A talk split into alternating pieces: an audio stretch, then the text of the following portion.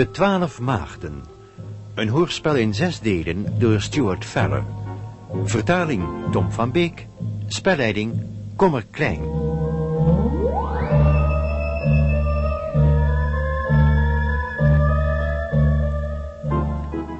Zesde, tevens laatste deel. Bel voor de laatste ronde.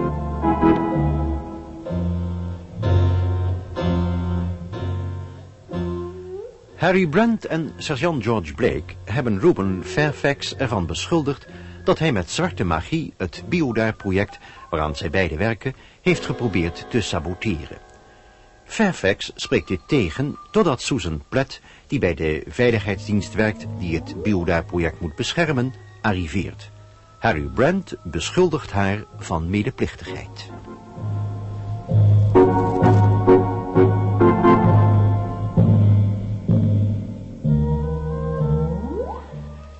Helaas heb je waarschijnlijk op het kritieke moment je ogen gesloten. Je vriend Ruben heeft zijn masker afgezet. Hij kon zeker niet goed zien. Het was tenslotte de climax van het feest. Jij vuile spion. Zullen we dat dan maar opvatten als een bekentenis? Dank u. Het zou natuurlijk leuk zijn om deur te borduren op het verhaal van Susan... net zolang tot u gelooft dat ze werkelijk door de veiligheidsdienst gestuurd is. Maar liegen ligt ons dan eenmaal niet zo. Susan, wil jij je verklaring herhalen bij Rex Andrews? Ik heb hem al voorbereid. Idioot! Jij verdomde amateur. Weet je wel waar je aan begint? Weet je wel hoe je er met dichte ogen inloopt? Wij kunnen je vernietigen, weet je dat? Volkomen vernietigen. Zoals Tom McKinnon. Ik wou dat ik jullie op een of andere manier achter de tralies kon krijgen. Tom McKinnon... Maar dat je- kan je niet, hè, Blake. Dat kun je in de verste verte niet. Jij kunt ons geen van beiden aanpakken. Ruben niet en mij niet. We kunnen in ieder geval zorgen dat je je baan kwijtraakt. Je bent hem al bijna kwijt. Haha, mijn baan. Denk je dat ik nog maar werkelijk ook maar iets geef om dat rotbaantje? Dat heb ik alleen maar aangenomen om eens een kijkje bij jullie te kunnen nemen. Ik weet nu alles wat ik weten wil. Rex kan me vandaag nog ontslaan. Hé, hey, wacht eens. Tom McKinnon is gestorven maanden voordat je... Maanden voordat ik hier kwam. Je begrijpt er nog steeds niets van, eh, arme idioot. Vertel ze niet te veel, Susan. Ach, wat maakt dat voor verschil? Ze kunnen toch niets tegen ons ondernemen. Ik kende deze streek al lang voordat jullie hier kwamen met je Biodar-project.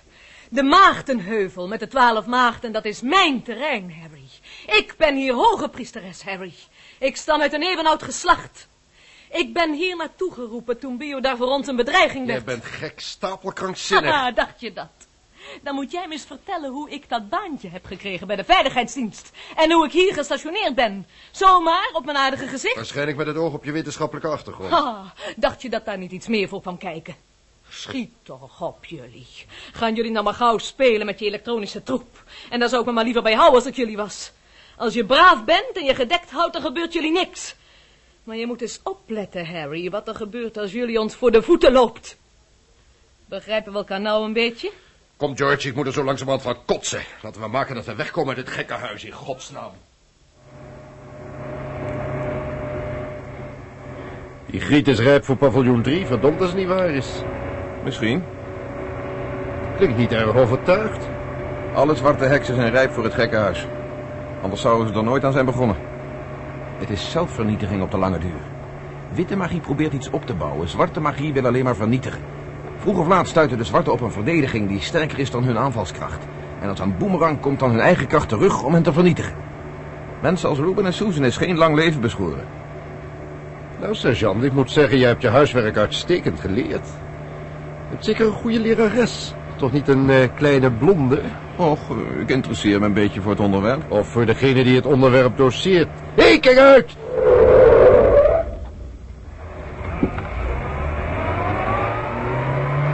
Is hier in de buurt al genoeg gevolgen om ze heeft geholpen. Zitten we dan ook niet te pesten? Over pesten gesproken. Laten we ons niks aantrekken van die bedreigingen van Susan. Dat is waarschijnlijk de enige manier waarop zwarte magie effect sorteert als je je laat intimideren. Ze heeft me niet geïntimideerd. Maar ik zal wel voorzichtig zijn voortaan. Hoe jij je vrije tijd doorbrengt, dat moet je zelf weten, Susan. Zolang je het niet te gek maakt. En jij moet goed begrijpen dat het te ver gaat dat jij je als lid van de veiligheidsdienst bezighoudt met praktijken waarop mensen kritiek hebben. Of waarmee ze zichzelf zouden kunnen chanteren. Ik heb je toch gezegd, Rex.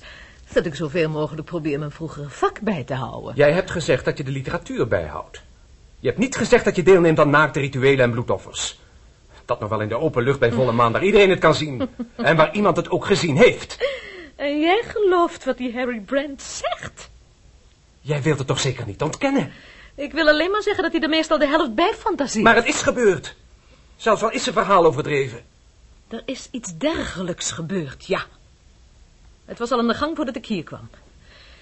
Ik ben er bij toeval achter gekomen. En omdat ik uit wetenschappelijk oogpunt geïnteresseerd ben in dit soort dingen. Afijn. Daarbij komt dat ik als veiligheidsofficier beter kan meedoen en een oogje in het zeil kan houden... dan dat dergelijke geheime bijeenkomsten plaatsvinden zonder dat we ervan weten. Dus als ik het goed begrijp, ga jij uit interesse voor occulte kunsten en uit liefde voor je vak midden in de nacht naakt op altaarstenen liggen. En je laat je overgieten met hanenbloed door een heer wiens naam je me tussen twee haakjes nog steeds iets genoemd hebt. Nou, het klinkt heel overtuigend, dat moet ik zeggen. Naakt? Heeft Harry Brand je dat verteld? Inderdaad. Oh, Rex. Ons toneelstukje moet er wel erg overtuigend uitgezien hebben, zo uit de verte. Ik had een bodystocking aan, als je het dan precies wil weten. Waar is die? Oh, dat heb ik verbrand. Wat zou jij ermee gedaan hebben, na zo'n bloedbad? Susan, Harry Brand is een kerngezonde jonge vent. Die weet bliksemsgoed wat hij ziet en wat hij niet ziet. Hij heeft me in ieder geval een uiterst plastische beschrijving gegeven. Harry Brand is een kerngezonde jonge vent die ziet wat hij graag zou willen zien. Ik heb hem vanmorgen nog eens ondervraagd. Hij heeft me toen wat meer details gegeven over die gedenkwaardige midzomernacht. Oh, nog meer verzinsels. Wat zei hij dan wel allemaal? Ik moet het nog natrekken. Waarom zeg je mij de naam van die man niet? Heeft hij je dat niet gezegd? Hoe heet die man? Hoor eens, Rex. Dit is mijn onderzoek. Ik vind niet dat je daar erg positief tegenover staat. Dus ik hou mijn inlichtingen liever voor me tot ik de zaak heb afgerond. Hoe heet die man? Dat zeg ik je niet. Nog niet. Juffrouw Plet, mag ik u er misschien aan herinneren dat u onder mijn bevelen staat? Onder deze omstandigheden zit er voor mij niets anders op dan u voorlopig van al uw taken te ontheffen en uw huisarrest op te leggen. U verlaat Bewley Towers niet zonder mijn uitdrukkelijke toestemming. Meneer Andrews, wie zal mij beletten Bewley Towers te verlaten? De wachtcommandant heeft opdracht iedereen die hier niets te maken heeft de toegang te weigeren, maar heeft beslist geen opdracht iemand die hier werkt te beletten naar buiten te gaan. De soldaten kennen hun opdracht. Het leger stationeert bij een dergelijk project als dit nu eenmaal geen stelletje idioten. Moet ik dit opvatten als insubordinatie? Jij kan me de dienst uitgooien, Rex. Daar zal ik echt niet rouwig om zijn. Het werk hier is toch stom vervelend. Maar als jij probeert mij te beletten te gaan en te staan waar ik dat wil, dan ben je nog niet met me klaar. Dit is een regelrechte bedreiging. Rex Andrews, jij vervelend kleinburgerlijk carrièremannetje. Het kan me geen donder schelen of ik mijn baantje verlies. dat kan jij je niet voorstellen, hè. Maar denk jij nou maar liever aan je eigen baantje. Ik heb een hoop invloedrijke vrienden. Veel meer dan jij in ieder geval. En je zou er goed aan doen mij niet te bedreigen. En zullen we nu de bandopname van dit gesprek eens terugdraaien? Of wil je liever dat ik die bewaar voor je invloedrijke vrienden? Oh, loop naar de hel!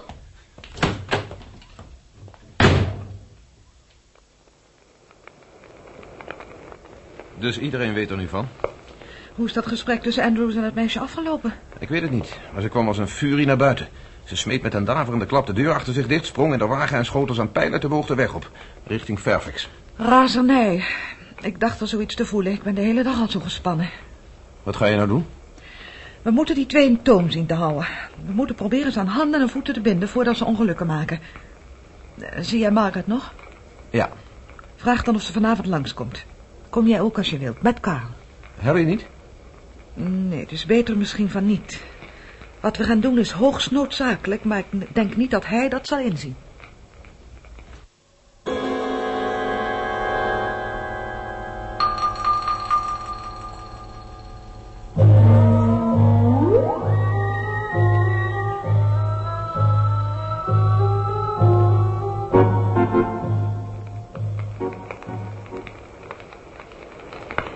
Ik dacht dat alleen zwarte heksen waspoppetjes maakten. Dat ligt er maar aan waar je ze voor gebruikt. Je kunt ermee genezen, maar je kunt er ook kwade krachten mee beteugelen. En dat gaan wij nu proberen met jouw hulp. Waarom moet ik daar juist bij helpen? Het moet gedaan worden door een mannelijke en een vrouwelijke heks. Wij maken de wasfiguurtjes, geven ze een rituele geboorte en daarna moeten we ze binden. Bridget en ik zijn zuster en broer. Ja, er zijn misschien heksenkringen waar ze dat niet zo nauw nemen, maar wij lopen liever geen risico. Hm. Ik begrijp het. Goed, laten we dan maar beginnen.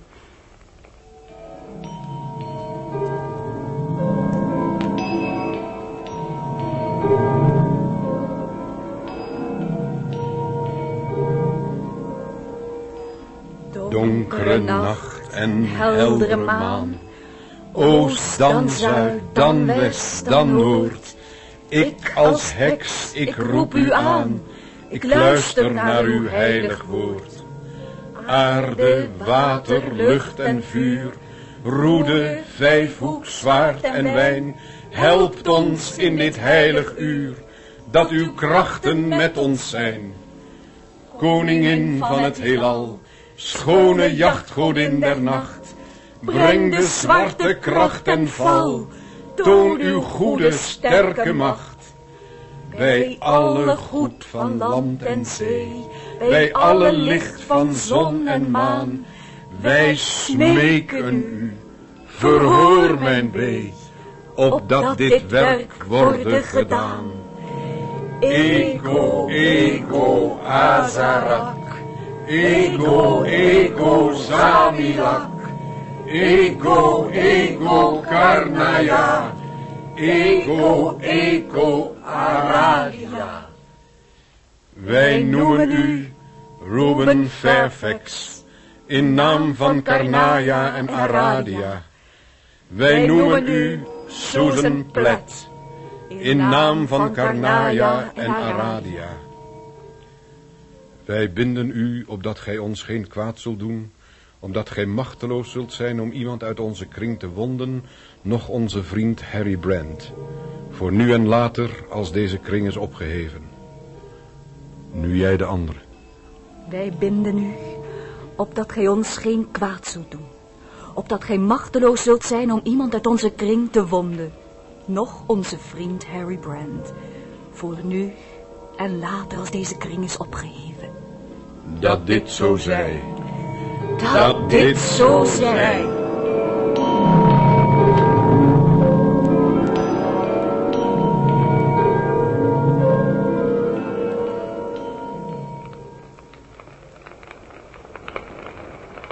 Jij moet ze onder je hoede houden, Margaret.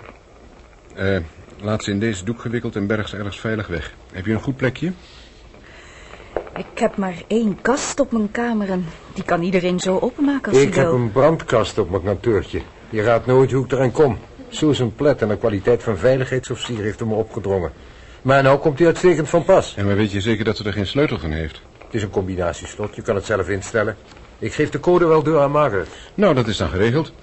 Je moet ze eens per dag tevoorschijn halen, Margaret, op het uur van Saturnus.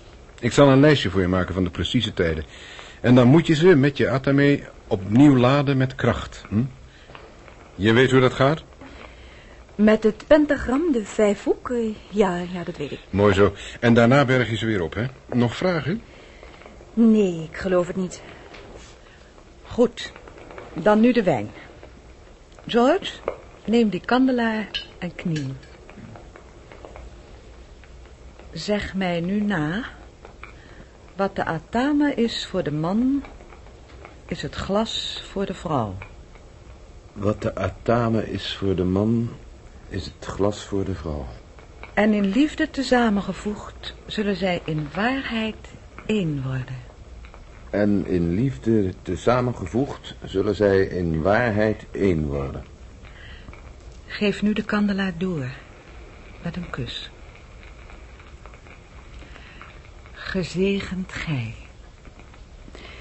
Ik geloof dat George het helemaal niet gek zou doen als heks. Nee, Margaret, inderdaad niet.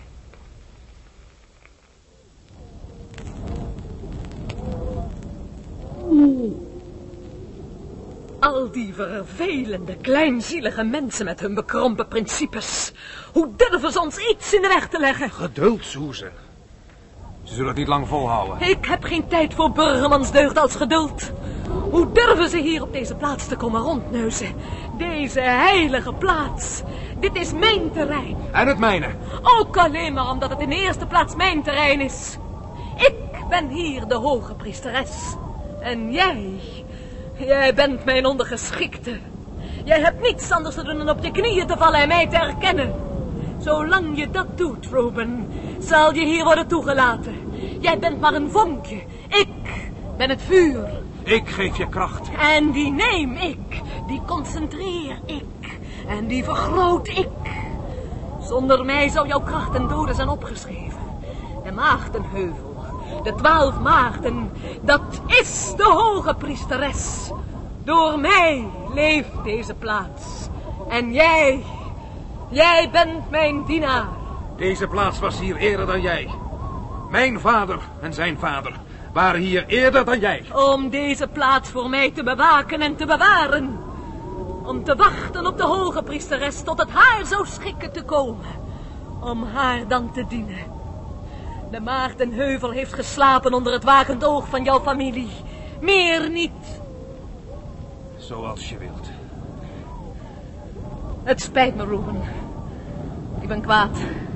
Ik kan het niet helpen, maar ik ben razend. Nee, nee, je hebt gelijk. Wij zijn alleen maar de wachters. Zonder jou en zonder de anderen voor jou zijn wij niets. Ruben, wanneer is het nieuwe maan? Over een dag of tien. Dan gaan wij aan de slag. Dan zal je eens wat zien. We verzamelen ons hier en we zullen krachten oproepen die de Maartenheuvel sinds de oude tijden niet meer gekend heeft. Al die miserige mensen daar beneden zullen smeken om genade. Horen jullie dat, klootjesvolk? Horen jullie dat goed allemaal? Horen jullie dat?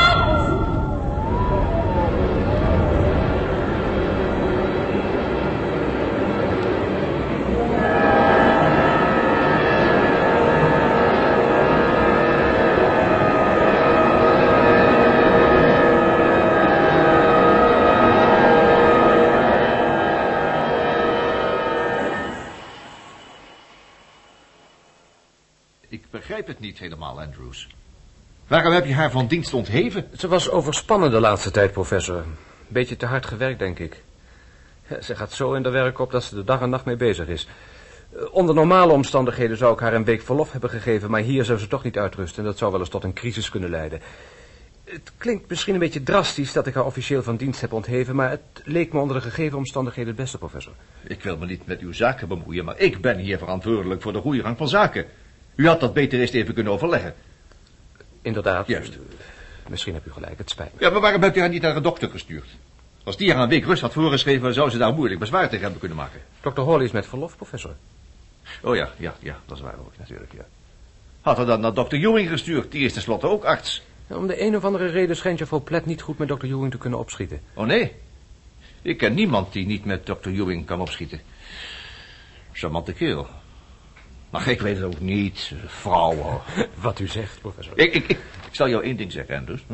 Als ik de kans kreeg, zou ik alleen maar met mannen willen werken. Zelfs in de kantine en in de wasserij. Nou ja, behalve Margaret Govan dan. Die, eh, die is gedisciplineerd. Die denkt als een man. ja, maar ik twijfel eraan of ze dat als een compliment zou opvatten.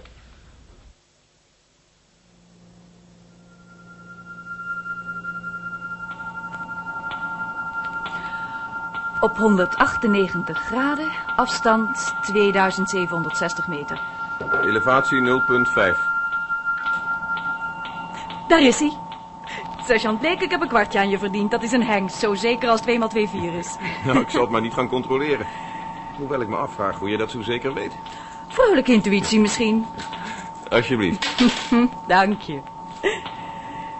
Ik geloof dat het tijd is voor koffie. En ik geloof dat je gelijk hebt. Ik zal jou één ding zeggen.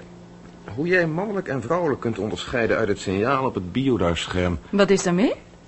Het is me opgevallen dat je er handiger in bent geworden sinds je tot heks bent gewijd. Misschien is het maar verbeelding, maar ik heb het een beetje bijgehouden voor zover ik het kon controleren. Nou, het zou best kunnen. Karel zegt ook, het principe van biodar heeft iets te maken met psychische krachten. Probeer dat Harry maar eens duidelijk te maken. Hm, Hij weet het wel, maar hij wil het niet accepteren. Eh, wanneer zal Bridget jou inwijden? Over een dag of veertien. Het is beter bij wassende maan, zei ze. Als ze dan weggaan, hebben we hier onze eigen kring. Dan word jij mijn hoge priester, wat zeg je daarvan? Als Harry maar niet jaloers wordt. Aardig bedacht, liefje, maar dat gaat niet door. Bridget en Donald denken erover de boerderij te kopen. Oh ja? Daar hebben ze me niets van gezegd. Bridget heeft gisteravond pas de knoop doorgehakt. Ik heb nog even met ze zitten praten toen jij en dokter Ewing al weg waren. Eh, was het het idee van Bridget? Ja. George, je bloost. Ik dacht dat heksen niet konden blozen. Jij haalt alle oude wijvenpraatjes door elkaar. Heksen kunnen niet huilen. Redden jullie het een beetje zonder mij? We kunnen je missen als kiespijn. Meneer wordt bedankt. Ga mee een kopje koffie halen, Margaret. Ja. Eh, nee, nee, nee. Wacht. Eh, loop eerst eens even mee naar het kantoor van Karl. Ik wil je wat laten zien.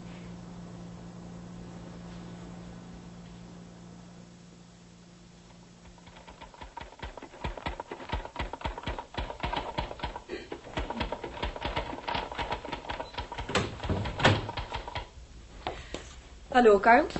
Kom binnen. Ik wil Harry laten zien wat we in de brandkast hebben opgeborgen. Mag ik even? Ga je gang, maar je zal het er wel niet mee eens zijn, dat kan ik je zo wel zeggen. Waar zal ik het niet mee eens zijn? Dat zal je wel zien.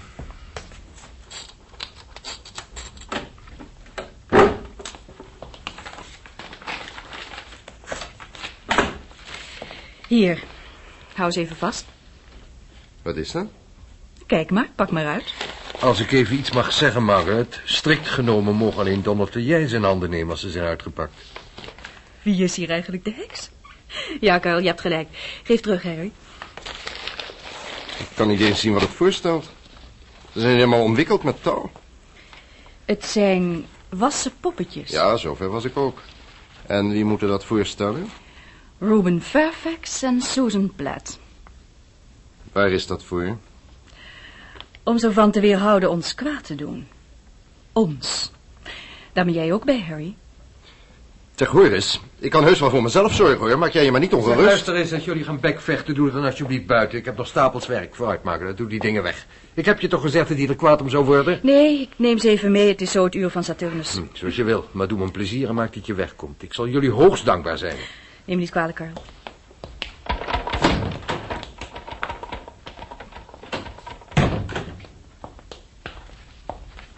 Het uur van Saturnus. Wassen poppetjes. Wat haal jij in je godsnaam allemaal voor krankzinnige dingen in je hoofd, Maggie? Je was het ermee eens dat we op alle fronten zouden proberen een oplossing te zoeken. Op jouw manier en op onze manier. Hoewel je het met onze manier niet eens bent. We hebben beloofd elkaar te helpen. Zoals de situatie nu ligt, is dit onze manier om de moeilijkheden het hoofd te bieden. Een paar rotpoppetjes met een blauw touwtje erom? Het is heel wat meer wat je daar in je handen hebt.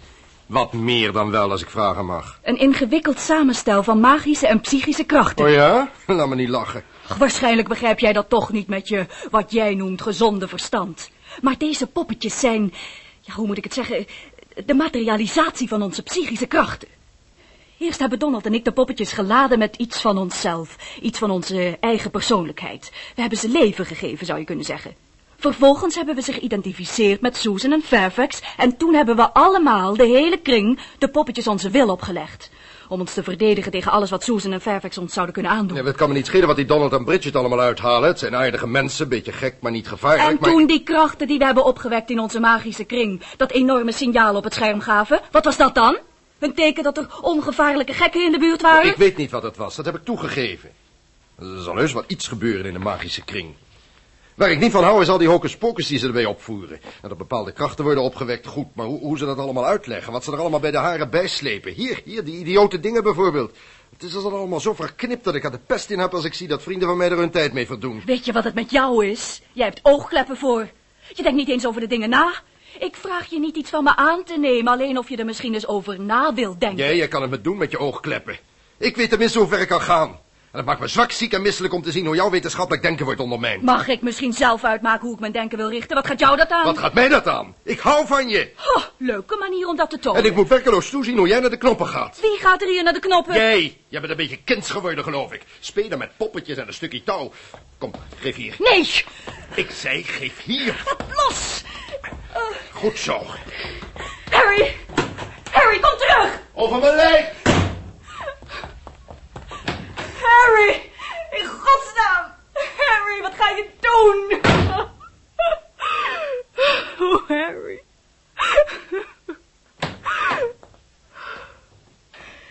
Harry, wat heb je met ze gedaan? Waar heb je ze gelaten? Maar ze horen. In de vuilvernietiger.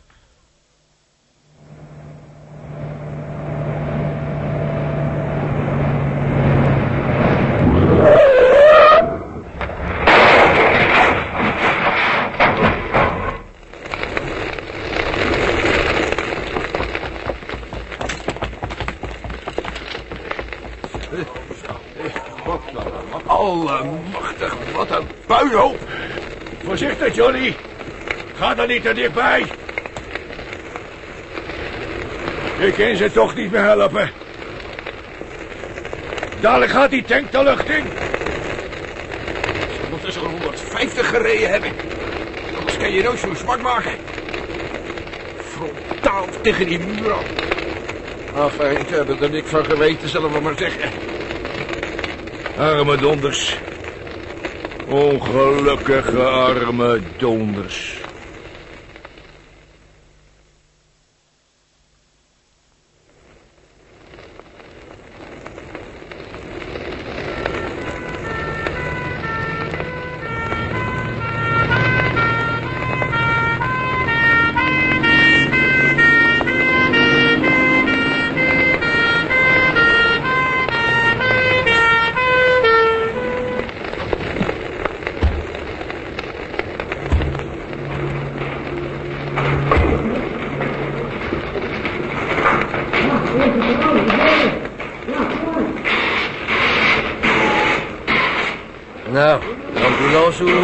Te bellen, dat is duidelijk.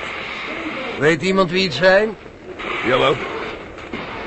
Het was de wagen van Ruben Fairfax. Ze zaten er met z'n tweeën in. Hij zelf. En een vrouw.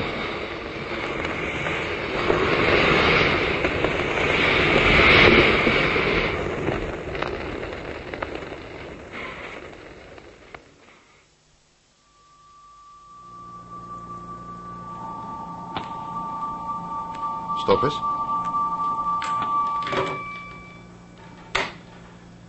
252 graden, afstand 3160 meter. Elevatie plus 3 graden.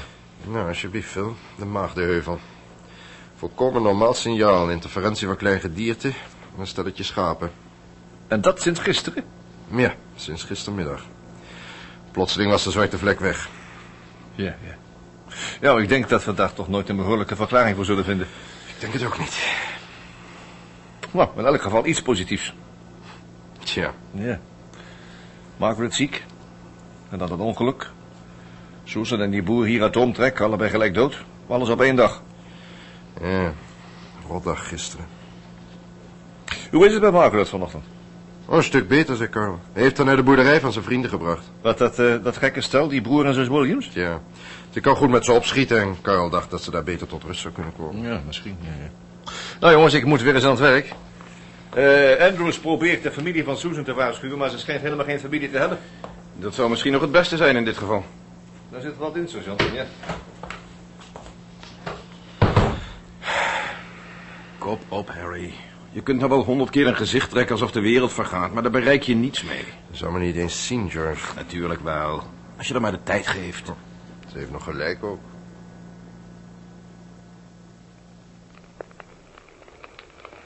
Ik verwijt je niets, Harry. Je hebt gehandeld zoals jij dacht dat het goed was. Je kon het ook niet weten. Probeer dat Margaret maar eens aan de verstand te brengen. Dat heb ik al gedaan. Aan die twee is niet veel verloren, dat weten we allemaal, maar... Zij vindt dat ik ze min of meer vermoord heb. Ze hebben hun dood aan zichzelf te danken. Dat heb ik Margaret ook gezegd. Aan zichzelf te danken? Hoezo? Omdat ze zich met het kwaad hebben ingelaten. Het was ons goed recht om ons tegen hen te verdedigen op onze eigen manier.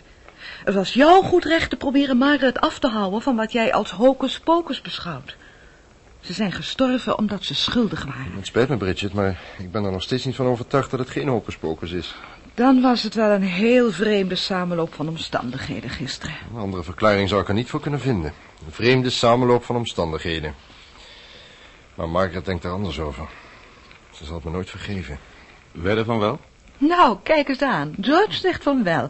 En George is helderziende. Harry, Maggie! kom je even praten met me? Goed, George. Ik geloof je.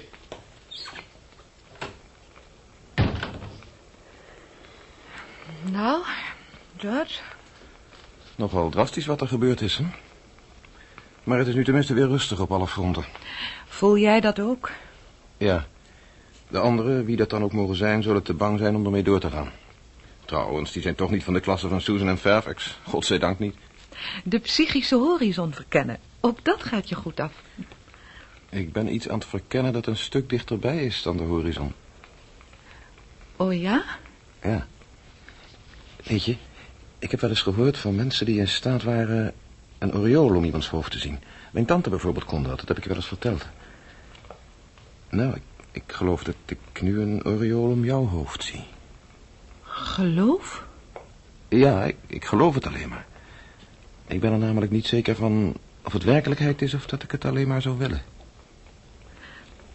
George, herinner jij je nog de woorden van de opdracht? Uh, niet helemaal meer. En gij, die denkt naar mij te zoeken, weet dat uw zoeken en roepen u niet zullen helpen, tenzij gij het mysterie kent. Hetgeen u zoekt, zult gij niet vinden in uzelf. Zonder mij zult gij niet vinden. Ik zal u bijstaan. Zeg mij uw wensen, want ik ben de vervulling. Oh, Bridget. George? Ja? Geef de atame eens. En de wijn. En de kandelaar.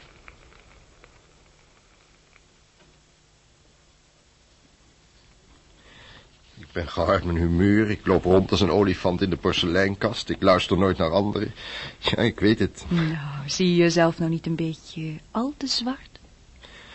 Wat moet je met een vent als ik? Meer en meer van je houden, denk ik.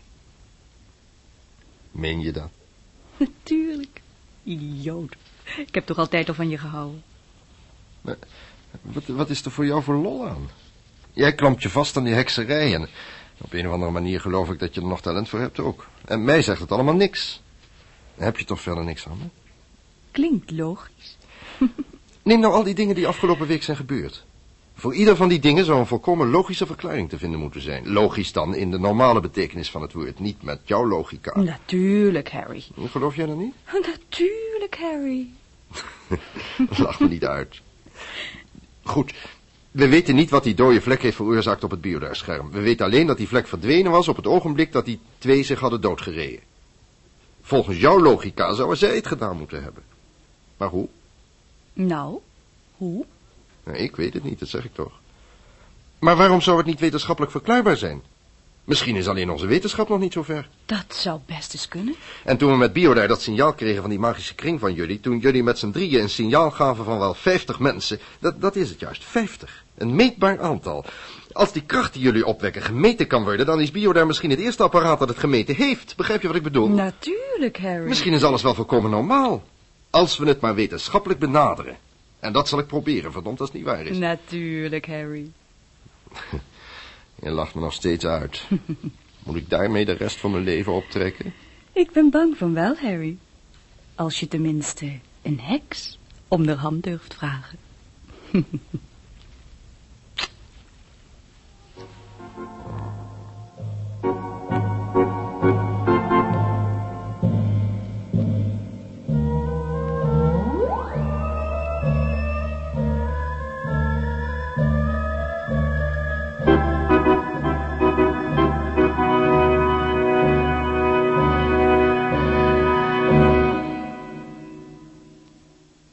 U hebt geluisterd naar Bel voor de laatste ronde. Het laatste deel van de Twaalf Maagden, een hoorspel in zes delen door Stuart Farrer in de vertaling van Tom van Beek. De rolverdeling was als volgt. Harry Brand, Tom van Beek. Margaret Govan, Els Buitendek. Sergeant George Blake, Paul van der Lek. Dr. Carl Ewing, Frans Somers. Professor Philip Jessup, Jan Borkus. Bridget Williams, Willy Brill. Donald Williams, Bob Verstraeten. Susan Platt, Corrie van der Linde. Ruben Fairfax, Hans Vierman. En Rex Andrews, Hans Karsenbarg. Technische verzorging Herman van der Lely en Leon Dubois. Spelleiding Kommer Klein.